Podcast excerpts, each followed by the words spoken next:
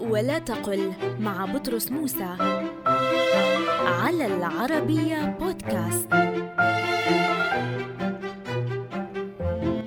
من الشائع استخدام الفعل تم متبوعا بفعل مضارع لبيان وقوع حدث.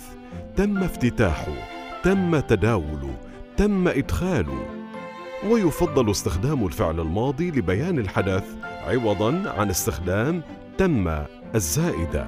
افتتح تداولت أو انتشرت باعتبار الأخير كلمة مألوفة بالمعنى ذاته. أدخل.